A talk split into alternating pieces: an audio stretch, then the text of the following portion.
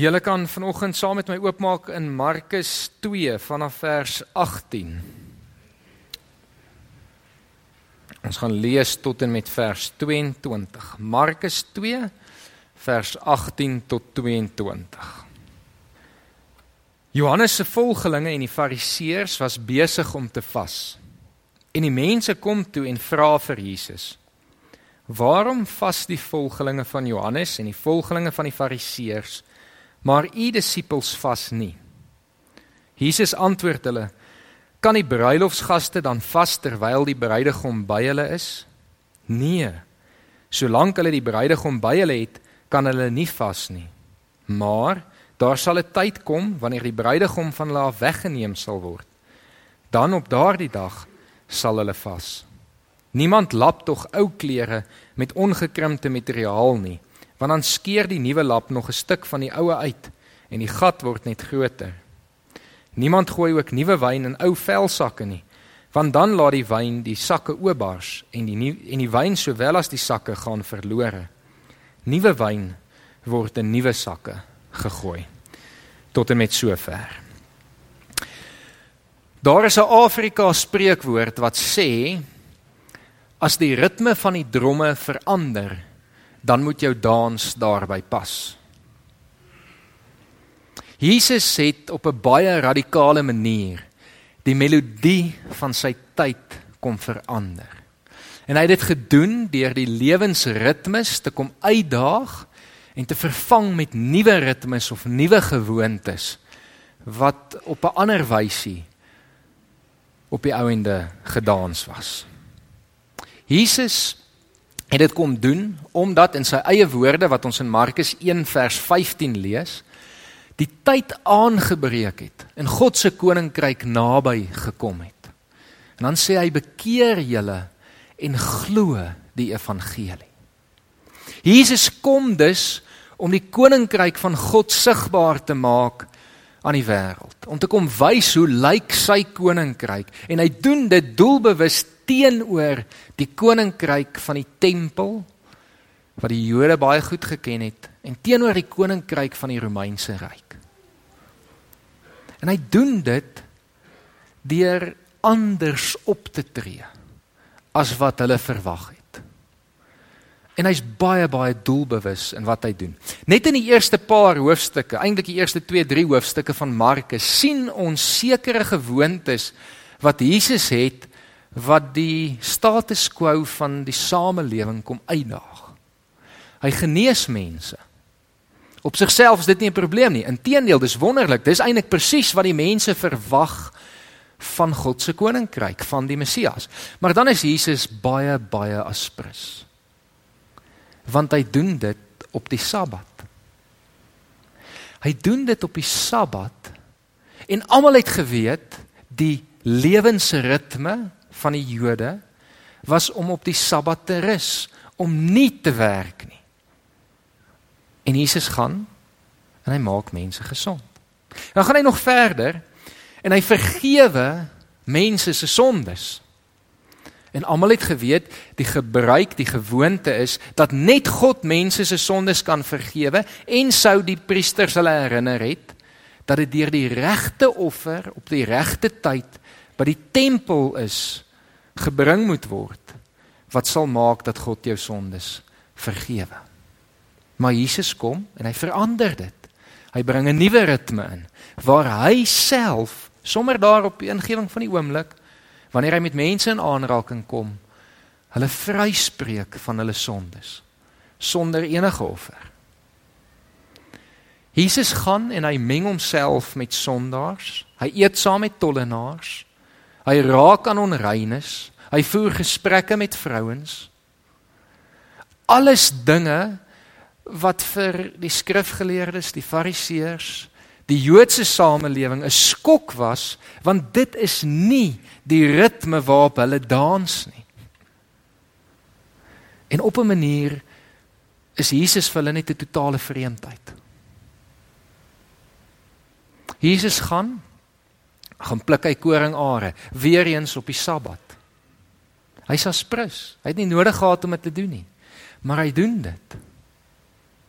Hy doen dit want hy wil die samelewing uitdaag om te besef daar is iets nuuts. En wat nuut is is God se koninkryk. Jesus gaan dan verder. En op hierdie gedeelte wat ons gelees het, gaan eet hy saam met Levi die tollenaar, een van die grootste tollenaars. En dan kom die skrifgeleerdes en hulle daag hom uit en sê: "Hoekom eet jy saam met sondaars? Hoekom meng jy jouself saam met hulle as jy weet dat gelowiges dit nie moet doen nie?" En dan Jesus se antwoord ongelooflik. Hy sê: "Ek het nie gekom vir die wat gesond is nie. Ek het nie gekom vir die wat my nie nodig het nie, maar ek het gekom vir sondaars en siek mense wat 'n dokter nodig het." Ongelooflike antwoord van Jesus. En dan dis waar ons vanoggend begin lees het. As hierdie ete klaar is, dan kom mense na Jesus toe. En dit is baie opvallend dat dit mense is. Dis hierdie geval nie skrifgeleerdes of fariseërs of enigiemand belangrik nie. Dis algemene mense wat na Jesus toe kom en vir hom sê: "Ons sien dat die fariseërs vas. Ons sien dat selfs Johannes se disippels vas." Dis 'n gewoonte, 'n lewensritme wat hulle navolg. Maar hoekom is dit nie 'n ritme en 'n gewoonte wat u en u disippels volg nie? En dan antwoord Jesus hulle tweeledig. Eerstens sê hy vir hulle: Hierdie gewoonte is net 'n gewoonte wat ons nie op hierdie stadium volg. Eendag wanneer ek nie meer is nie, wanneer die bruidegom van die bruilofsgaste weggeneem word, dan sal hulle weer vas.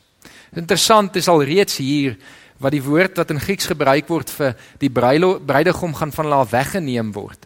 Is dit op 'n gewelddadige manier wat hy weggeneem gaan word. Met ander woorde al reeds hier kan ons sien Jesus weet eintlik hoekom hy gekom het en wat met hom gaan gebeur. Tweede antwoord hy hulle met twee metafore. Die metafore van jy kan tog nie ongekrimpte materiaal gebruik om 'n gat in ou klere reg te maak nie. En jy kan ook nie nuwe wyn in ou wynsakke gooi nie. Nou wil ek vinnig net gou hier stop. Wie van julle het soos ek gewonder wat beteken hierdie? OK, nie te veel nie. Ons julle baie slimmer as ek. Ek het vir baie lank in my lewe gewonder wat probeer Jesus nou eintlik hier sê? Waarmee is hy besig? op 'n manier maak die metafoor nie regtig sin nie. Want want die want die mense vra vir hom hoekom vas jy nie? Dan sê hy want ek gooi nie nuwe wyn in ou wynsakke nie. Dit dit pas amper nie by mekaar nie. Maar die metafore is metafore wat hulle tog baie goed sou verstaan. Die eerste ene is van die materiaal. Die kwaliteit van die materiaal wat die antieke Jode tot hulle beskikking gehad het, het met tyd gekrimp. Ons almal het al klere gekoop en dan pas hy lekker en as hy 3 keer gewas is dan ewe skielik kan steek jou naaltjie uit. Uh dan sê hemp net nie meer reg nie. Dit was min of meer wat hulle gehad het. En hulle het geweet jy kan nie hierdie materiaal gebruik om 'n gat in ou klere reg te maak nie. Want dis net 'n kwessie van tyd dan gaan daai materiaal krimp en die gat gaan groter wees as waarmee jy begin het. En net so geld dit wanneer jy nuwe wyn in ou wynsakke gooi. Wynsakke was gemaak van skaapvel. En wanneer wyn in die skaapvel gegooi was en die sak gegooi was, sou 'n chemiese proses begin het. En hierdie prosesse veroorsaak het dat die sak eintlik saam met die wyn 'n een eenheid vorm wat die wyn binne sou gehou het want hy sou geseël gewees het. Maar sodra jy dan nuwe wyn in 'n ou sak gooi, begin 'n nuwe chemiese proses wat sou veroorsaak het dat die vel van vooraf moes rek en dit sou uiteindelik bros word of bars. Dit sou nie gewerk het nie. Almal het dit geweet. Maar wat probeer Jesus regtig vir hulle hier deur sê? In eenvoudige woorde in die metafoor wat ons eintlik vanoggend mee begin het. Die musiek het verander. Pas aan by die musiek. As ons hierdie metafoor vat en ek gaan bietjie meer fokus op die wyn, Die nuwe wyn is die evangelie. Is God se koninkryk wat Jesus in Markus 1 vers 15 kom aankondig het. Die nuwe wyn wat op 'n nuwe manier funksioneer. En wat Jesus vir hulle sê is as julle hierdie nuwe wyn wil vat en julle wil dit in die ou wynsakke van die fariseërs en die skrifgeleerdes, die Joodse godsdiens gooi met hulle ou tradisies en ou gebruike, dan gaan die sak bars. Want die nuwe wyn is nie gemaak vir daardie stelsel nie. En daarom in die geval van die vas sê Jesus basies vir hulle die fariseërs vas twee keer 'n week. Maar dit is nie 'n ritme wat pas by die evangelie en God se koninkryk op hierdie stadium nie. Want daardie dans pas nie by die musiek nie.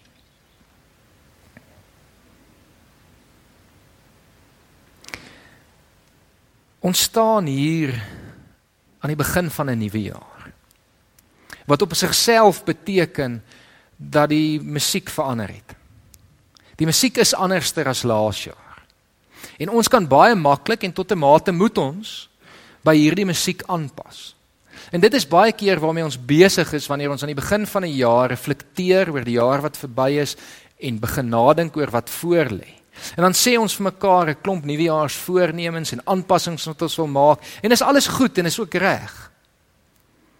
Maar die groter vraag wat jy vanoggend vir jouself moet afvra is is my lewe is my lewensdans op die oomblik gepas op die musiek van die evangelie of op die van die wêreld is ek as 'n wynsak want dis eintlik wat Jesus sê ons as mense is die wynsakke wat die evangelie, die nuwe wyn moet vashou en dra en gaan gee vir mense. Is ek as wynsak reg om die nuwe wyn in te hê? Of is ek soos 'n ou wynsak wanneer ek met die evangelie in aanraking kom, gaan ek bars? Ek en jy het nodig om vanoggend aan die begin van 'n nuwe jaar seker te maak ons ritmes, ons gewoontes is in pas met die melodie van die evangelie. En wanneer ons dit vir mekaar sê, dan is daar twee goed wat moet gebeur in jou lewe. Die eerste een is dat jy gaan moet besef daar sekere gewoontes wat gaan moet gaan. Dit kan nie meer deel wees van my lewe nie, want dit is gewoontes en ritmes wat eintlik behoort op die melodie van die wêreld. En daarmee saam is daar sekere gewoontes wat ek gaan moet deel maak van my lewe. Hierdie jaar doelbewus gaan moet besluit soos wat Jesus doelbewus sekere goed gaan doen het. Om seker te maak my dans is dieselfde as wat Jesus in was. Ek dink as ons baie eenvoudig begin, is daar 'n sekere klomp goed wat by ons opspring. Goed wat ons almal van weet. Ons almal weet dis goeie gewoontes en dit pas by die evangelie om gereeld stilte tyd te hou soos wat Jesus gemaak het. Om in gebed met God te wees. Om huisgodsdienste te hou. Om kerk toe te kom, om wijkbyeenkomste by te woon. Om saam met medegelowiges bymekaar te kom om ons te help waar ons mekaar kan sê, weet jy, dit lyk of jy hier en daar dalk bietjie af van die musiek af is. Kom ons help net en kom ons kom weer op die regte regte pad en die regte baan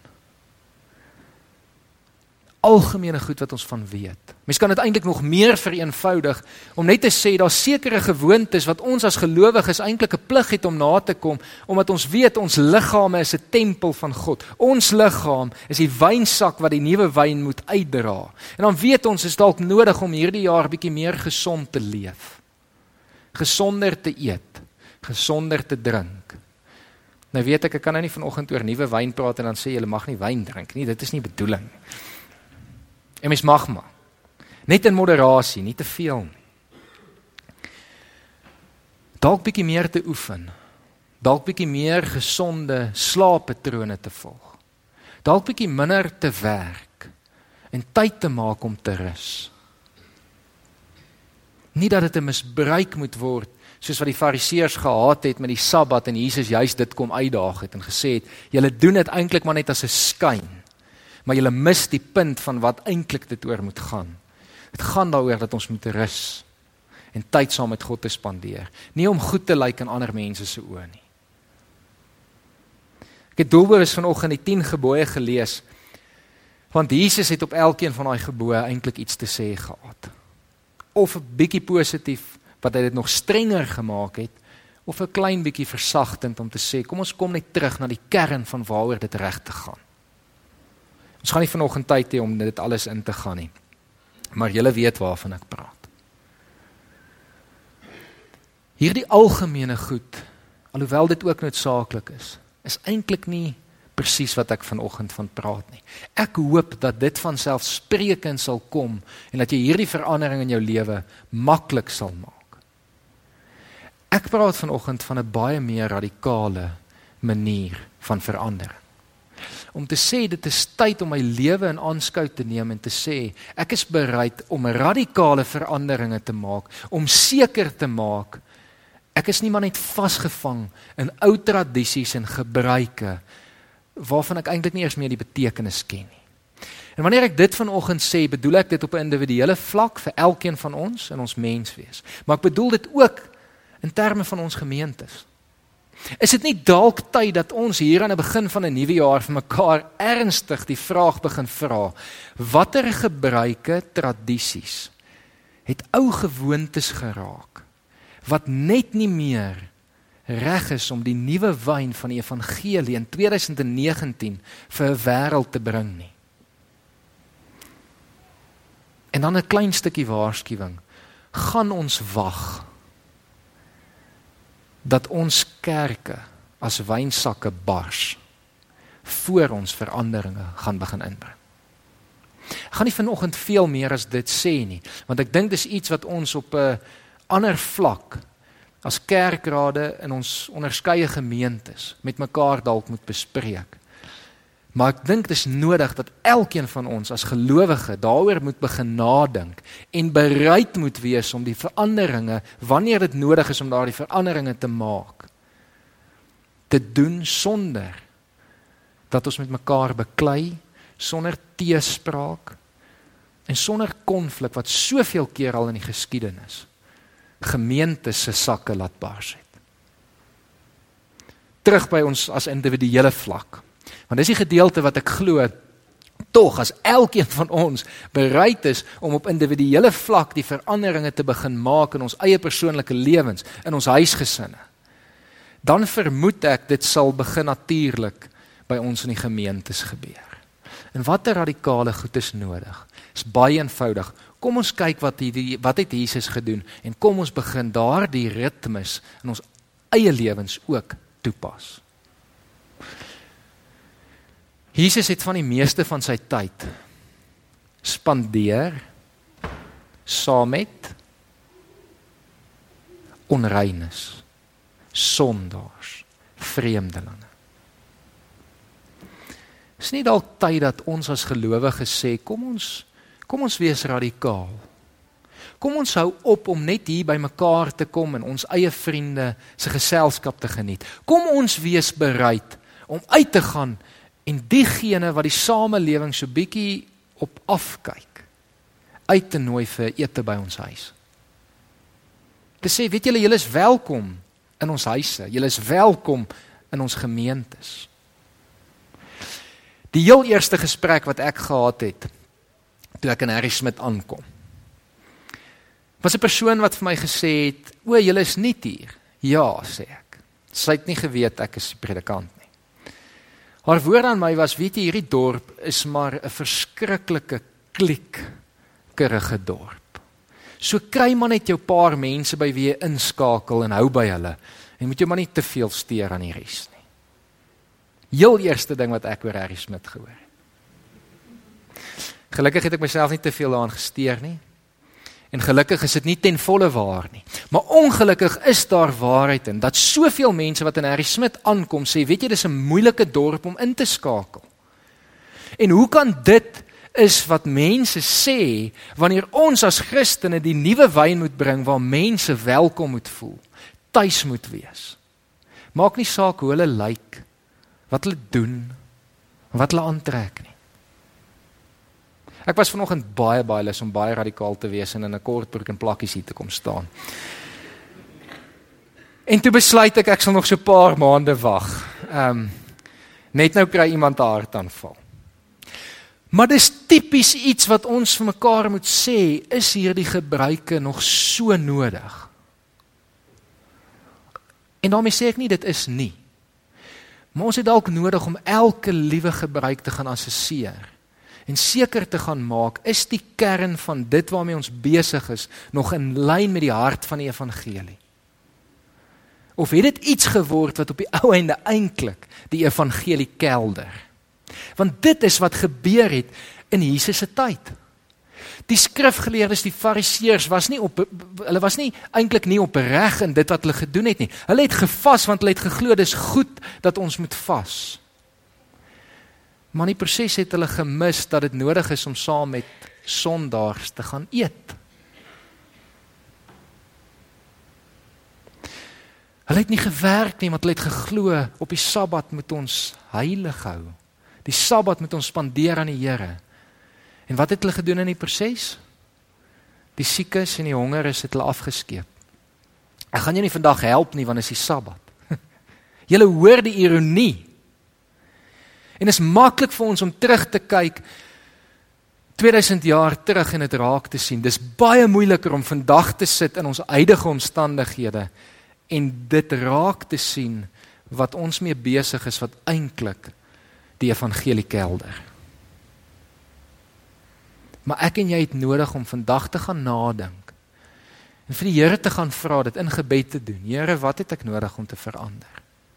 En dan bereid te wees om radikaal te wees bereid te wees om radikaal te wees. Al kos dit jou vriende. Al kos dit opofferings, geld, tyd. Miskien is dit tyd dat ek en jy vir mekaar sê ons het nodig om tyd saam met ons gesinne te spandeer. Ons het nodig om erns te maak om met mekaar te praat oor die evangelie. Om ons kinders werklik te leer. En 'n snaaks, maar deesdae is dit radikaal as ouers regtig moeite maak om met hulle kinders oor die woord van God te praat. En hulle nie net Sondag 9uur gou te kom aflaai vir kategese en weer te kom oplaai nie.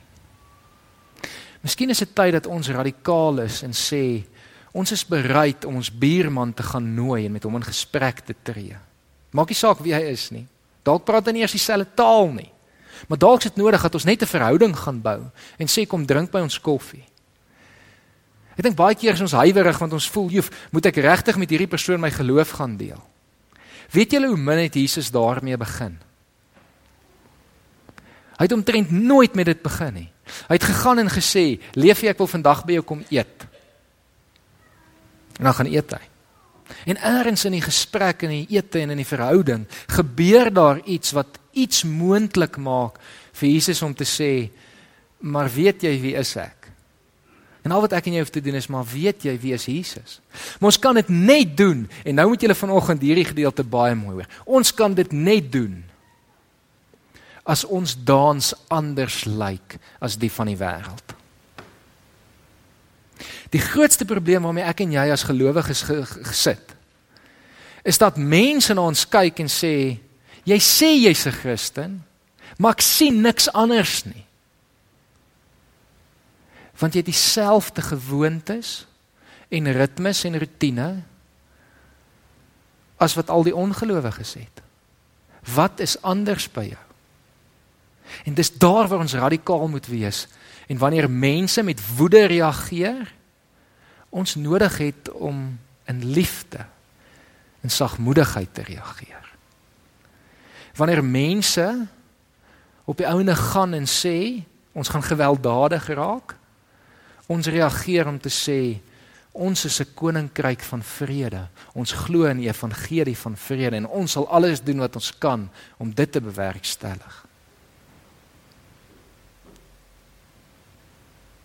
Ek en jy het nodig om anders as die wêreld te lyk sodat hulle kan begin vra, maar hoekom is dit anders by julle? En dit geld in ons binnekring die meeste. Waar ons hier vir mekaar ruimte gee, vir mekaar lief is. Ophou skinder. Dis 'n radikale ding wat ons nodig het om te doen. Wanneer mense sê hierdie is 'n dorp wat skinder, wees versigtig met wat jy doen en sê. Het ons nodig om te sê ons neem nie daaraan deel nie, want dit is nie 'n gewoonte en 'n ritme wat pas by die evangelie nie. Dit gaan my wynsak laat bars. Die nuwe wyn gaan uitloop as dit 'n gewoonte is wat deel is van my lewe. Maar wanneer mense skinder om te sê, weet julle, God is vir daai mense ook lief. Kom ons praat nie verder hieroor nie. Kom ons gaan help as dit sou nodig wees. Dat ons nie meer bang hoef te wees om hier te kom sit en te dink wat dink ander mense van my nie. Dat ons hier kan kom sit as gelowiges en vir mekaar kan sê en ek weet hier is baie radikaal. Weet jy, ek's in die moeilikheid want hierdie gewoonte is deel van my lewe en ek weet dit pas nie hier nie. Maar moet my nie veroordeel nie. Kom help my. Ek wonder wat sal gebeur as ons geleentheid gee vir mense te sê, weet jy, bely asseblief jou sondes hardop hier in die kerk teenoor jou medegelowiges. Sal daar enigiemand wees wat bereid is om dit te doen omdat hulle weet die mense wat na hulle luister gaan nie met oordeling reageer nie maar met liefde. Want dit is wat Jesus mee besig was. Dit is wat die Bybel vir ons vertel die vroeë kerk bedoel was om te wees. As Paulus skryf, bely julle sondes teenoor mekaar, het hulle as gelowiges by mekaar gekom en gesê, weet jy, drank is nog vir my 'n probleem. Drank is ongelukkig vir baie mense 'n erismete probleem. Daarmee sê ek ons moet nie drink nie die van julle wat my ken sal weet ek is baie lief om 'n bier saam met enigiemand te drink. Nooi my, ek sal saamkom. Maar is dalk tyd dat ons sê, weet julle manne, 12 uur of 1 uur of wanneer ook al, is dit tyd om te stop. Is dit tyd om huis toe te gaan na ons gesinne toe. En ons kan nie dronk gespat daar aankom nie. Want dit pas nie by gelowiges nie. En net soos daar klomp ander En, en weer eens, hoor nou my mooi. Wanneer ek hierdie sê, is dit nie veroordeling nie. Dit moenie klink asof ek myself weerspreek nie. Ek wil eintlik hê dat ons as gelowiges vanoggend hier kan kom staan. Weet jy, hier is 'n probleem met vir my. En ons mekaar dan gaan help. Ek, ek gaan dit noem, ek gaan dit nog nie finaal sê nie want ons werk nog daaraan. Maar ek is baie ernstig om hierdie jaar so 'n groep op die been te probeer kry. Vir afhanklikheid. Mense wat sukkel met afhanklikhede om te sê kom ons help mekaar. Ons gaan nie mekaar veroordeel nie. So wanneer ek vanoggend sê dis tyd om dit te stop, sê ek dit nie om jou te veroordeel nie. Ek sê dit uit liefde om te sê dit gaan nie vir jou goed wees nie. Hou op met die goed wat vir jou sleg is. Want dit is waar die evangelie gaan. Die evangelie, die gewoontes, die ritmes van Jesus, die goeie nuus, die koninkryk van God is gewoontes wat vir jou goed is. En die goed wat nie daar hoort nie, is die dinge wat jou lewe gaan verwoes en gaan kelder. En daarom sê ons dit, ons spreek dit aan uit liefde, nie veroordeling nie. Om te sê kom ons hou op daarmee want dit gaan jou lewe vernietig.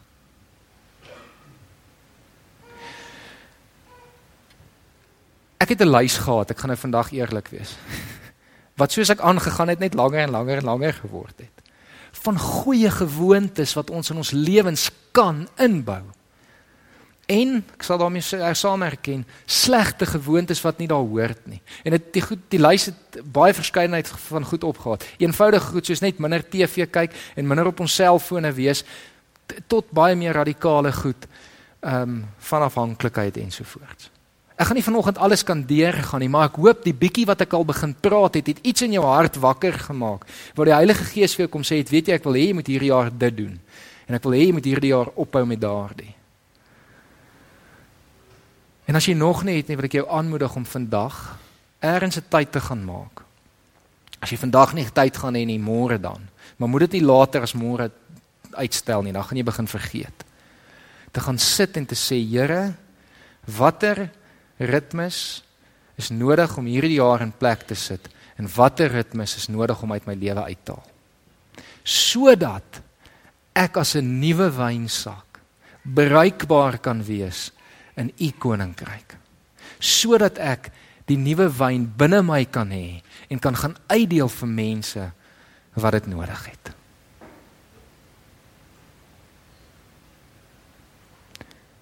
Kom ons help mekaar. Kom ons pak hierdie jaar aan. Met die wete dat God by ons is, dat sy koninkryk alreeds hier is. Maar dat dit nog soveel mense nie bereik het nie. Kom ons bid saam. Here, dankie vir hierdie gedeelte vanoggend. 'n Herinnering dat ons so maklik aan die een kant in ons godsdiens vasgevang kan raak dat ons op die ou einde U kan mis. En Here, daarom kom vra ons dat U hierdie jaar ons sal help in ons persoonlike lewens en ons gesinne, in ons vriendekringe, maar definitief ook, Here, hier in ons gemeentes. Here, dat U 'n pad met ons hierdie jaar sal stap om te kan onderskei wat moet bly en wat moet gaan. Here en dat dit nie sal wees op enige menslike vlakke nie, maar dit alleenlik sal wees om te kan sê Here, ons wil U dien en ons wil wynsakke wees wat U as nuwe wyn aan die wêreld oordra. Here, ons weet U melodie klink heeltemal anders as die van die wêreld en ons wil graag dans op U melodie. Maar Here, elkeen van ons is tot 'n mate maar nog gebonde in hierdie wêreld En die wêreldse gewoontes is so rondom ons dat dit vir ons baie keer moeilik is. En daarom kom vra ons Here dat U ons sal help. Here, ek wil vir elkeen wat vandag hier sit en ook die lidmate wat nie hier is vandag nie. Vandag aan U kom opdra dat U daar in die stilte wanneer elkeen van ons gaan nadink, Here regtig vir ons sal kom oopbreek wat in ons persoonlike lewens moet bly en wat moet gaan. Here, ons weet U wil is dat dit goed moet gaan met ons. Maar Here, ons weet ons sit op die ouene die keuse om te sê ja of nee. En Here, ons weet ons het U nodig. Ons het U leiding nodig. Want ons kan nie self op die ou einde die regte besluite neem nie. En daarom het ons U leiding nodig. Here, dankie dat ons Jesus as voorbeeld het. Here, U wat vir ons kom wys het hoe om te leef, hoe om met mense om te gaan, hoe om hulle te behandel, hoe om met hulle te praat. Here, dankie dat U vir ons eintlik reeds alles alles moontlik gemaak het. Die dag toe U die dood oorwin het.